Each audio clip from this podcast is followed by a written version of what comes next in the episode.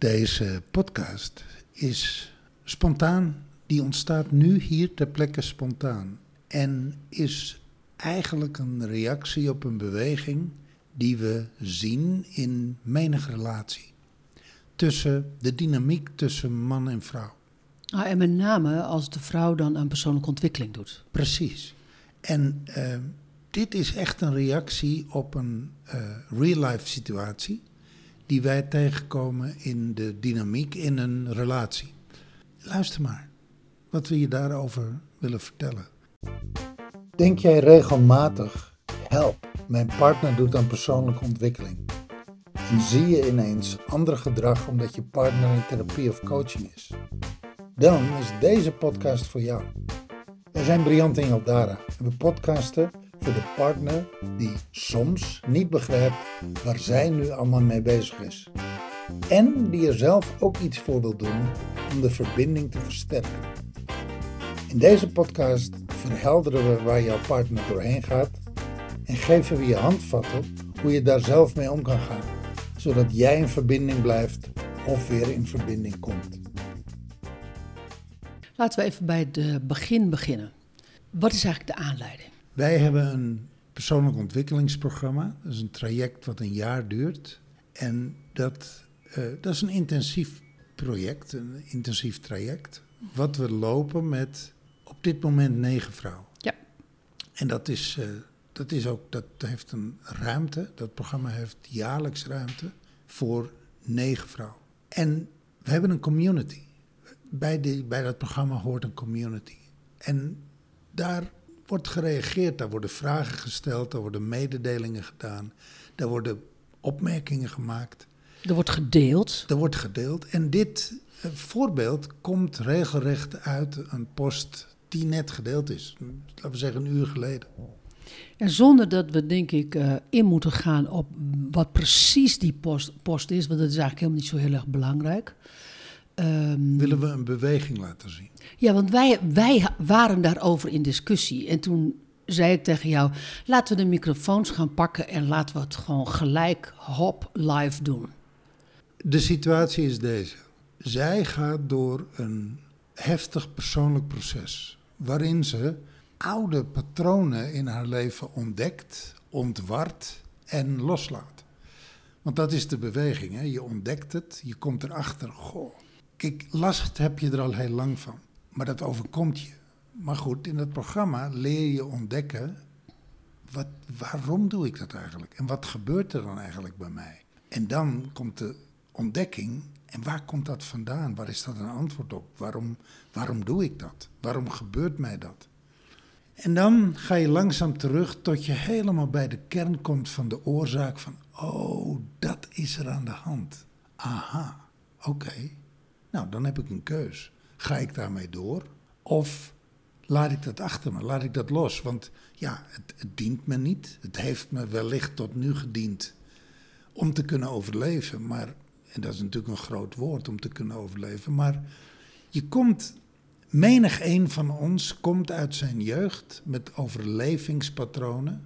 Die je nodig had als kind om te kunnen overleven. En die jou nu niet als volwassene niet meer dient. Sterker nog, die tegen je werkt. En dan zeg je heel makkelijk van, dan kom je op de keuze te staan van ga ik daarmee door of ga ik daar niet mee door. Die keuze lijkt makkelijk hè, op papier, maar dat zijn best wel levensbepalende keuzes. Nou, en waarom is dat vaak zo lastig? Omdat die herinnering van het overleven in je lijf is gaan zitten. Dat is in je, zoals wij dat dan noemen, je fysiologie gaan zitten. Dat is in je DNA gaan zitten.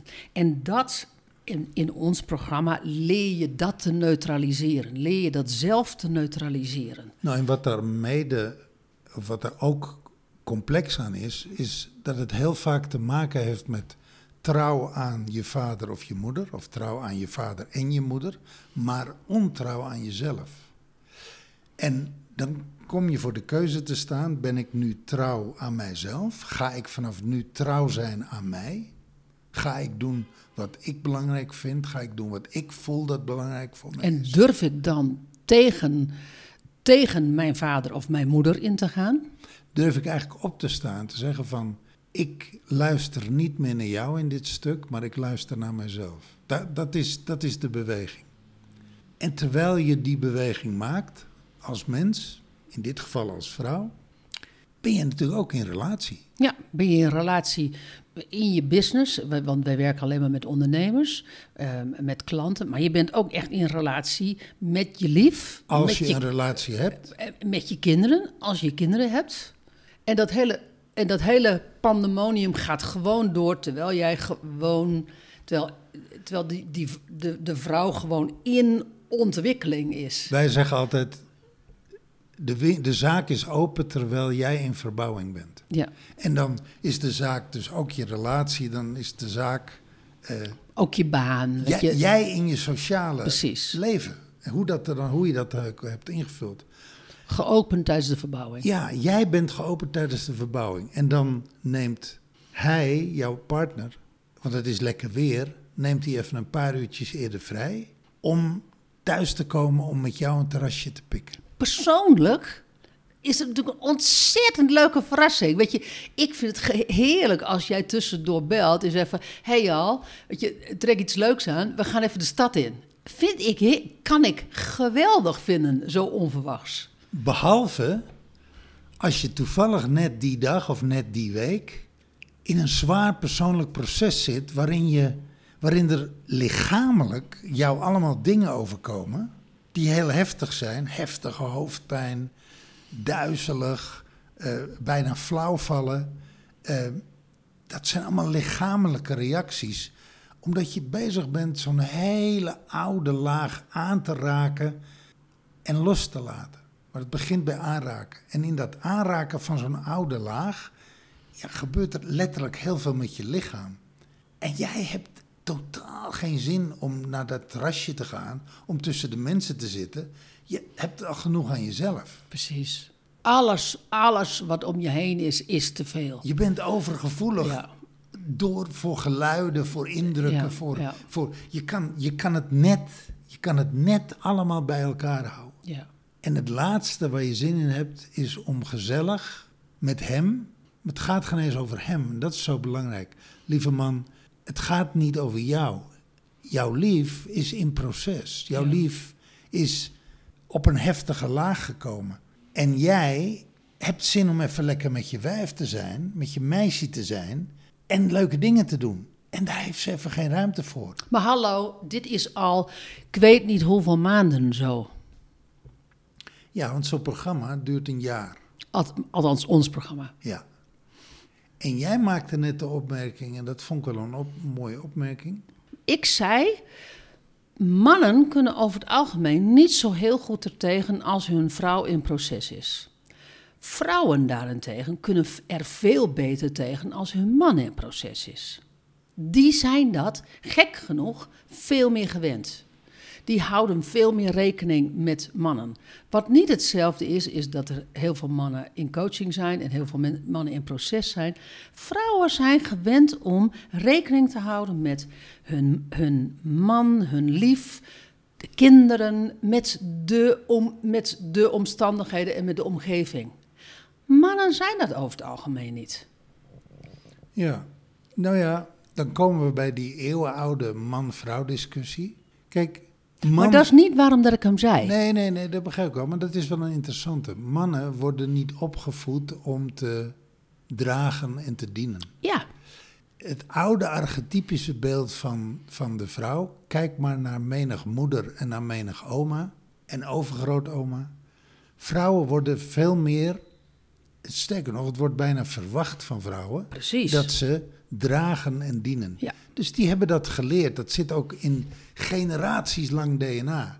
Dat is, Dat, dat, dat, is, dat is het voorbeeld hebben ze gehad. Dat, dat, eh, dat wordt gewoon met de moedermelk meegegeven. Maar ze hebben het voorbeeld ook gewoon gehad. gelukkig, ik zeg En gelukkig. ze halen er ook veel ehm, erkenning door. Ja, en, en ik ben blij dat dat beeld ook aan het veranderen is. De man is meer toe aan het schuiven naar, naar voelen en naar eh, inleven en naar aanwezig kunnen zijn, kunnen luisteren, kunnen dragen. de holding space kunnen zijn voor emotie, voor, voor nou ja, ook de emoties in een relatie. Is een moeilijk woord hoor, als je nog nooit een persoonlijke ontwikkeling hebt gedaan. Holding space? Ja. Nou ja, dat betekent eigenlijk dat jij bereid bent en in staat bent om te dragen, om, om, om je beschikbaar te stellen voor Om- de ander. Om er te zijn. Ja, weet je, jouw, jouw levenspartner gaat door een lastige periode. Ja, en dat duurt langer als dat je gewend bent. Dat duurt, dat duurt langer als dat fijn is. Dus dat legt ook een belasting op de relatie. Maar jij bent lerend, je bent groeiend en je bent accepterend. En nou ja, ik zie dat veel mannen die beweging toch aan het maken zijn. Zich openstellen voor emotie. En ik zie dat vrouwen een deel van dat dragen en van dat dienen ook achter zich laten. Omdat daar ook in zit een mechanisme waarmee ze zichzelf klein houden. Of die ze klein houdt. Ja, en ik zeg dan van ze halen daar veel erkenning uit. Maar dat is ook heel vaak de verkeerde erkenning. Ja, for the wrong reason. Precies. Ja.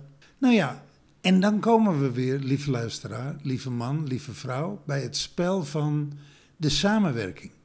You're in this together. Je zit samen in die relatie. En weet je, voor hetzelfde geld ben jij even aan de beurt, lieve man. Ben jij burned out? Ben je zwaar depressief?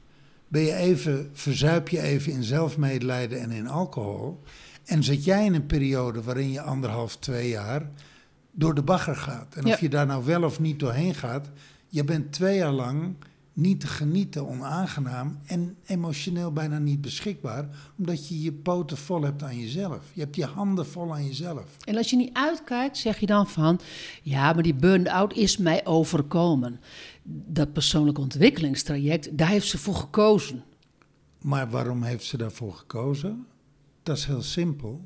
Omdat ze patronen bij zichzelf tegenkwam, issues bij zichzelf tegenkwam, waar ze niet langer mee kon zijn. En waarom kon ze daar niet langer mee zijn? Omdat het haar, omdat het te zwaar voor haar was, omdat ze er ongelukkig van werd, omdat dat dus aspecten in haar leven niet werkten.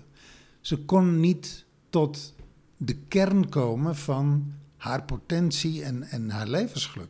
Daar komt het eigenlijk op neer. Nou ja, maar dan, en dan kom je natuurlijk... We hebben er wel een keer een podcast over gemaakt. Zo, ik, weet, ik weet eigenlijk helemaal niet wat het probleem is.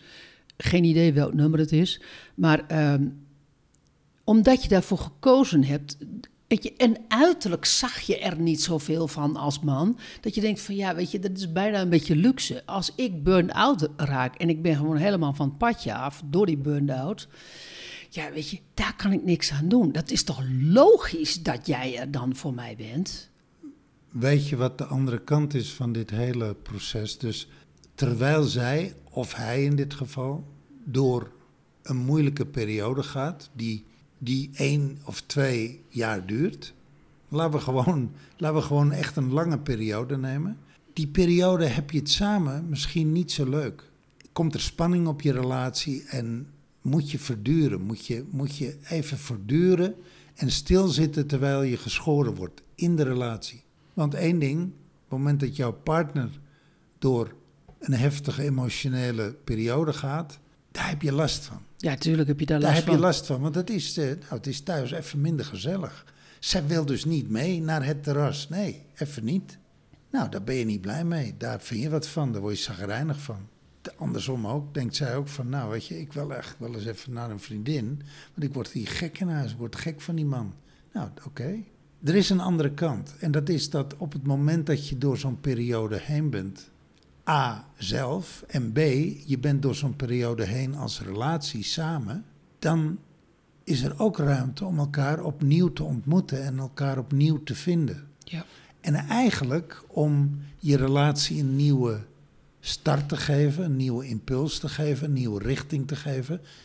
Omdat je samen, als je daar uitkomt, ook een nieuwe verbinding vindt met elkaar. En dat is een, Een, nieuwe een, ver- een, een diepere verbinding en een krachtigere verbinding. En dat is een verbinding zonder de ballast van het overleven. Ja. En waarom is die verbinding sterker? Omdat één van jullie een diepere verbinding met zichzelf maakt, Ja. heeft gemaakt. Ja. En eigenlijk daarmee ook jou in de relatie, de ander in de relatie uitdaagt om ook een diepere verbinding met zichzelf aan te gaan. En daardoor krijg je een diepere verbinding met elkaar. Ja. Dus het heeft ook voordelen. Wil je met ons werken? Doe dan mee met het Coachlab. Het Coachlab biedt je een laagdrempelige manier om heel gericht bezig te zijn met jouw persoonlijke ontwikkeling. Coachlab is er één keer per maand, altijd online en duurt twee uur. Het Coachlab is toegankelijk voor iedereen boven de 25 jaar die met zichzelf aan de slag wil. De link naar het Coachlab vind je in de beschrijving van deze podcast.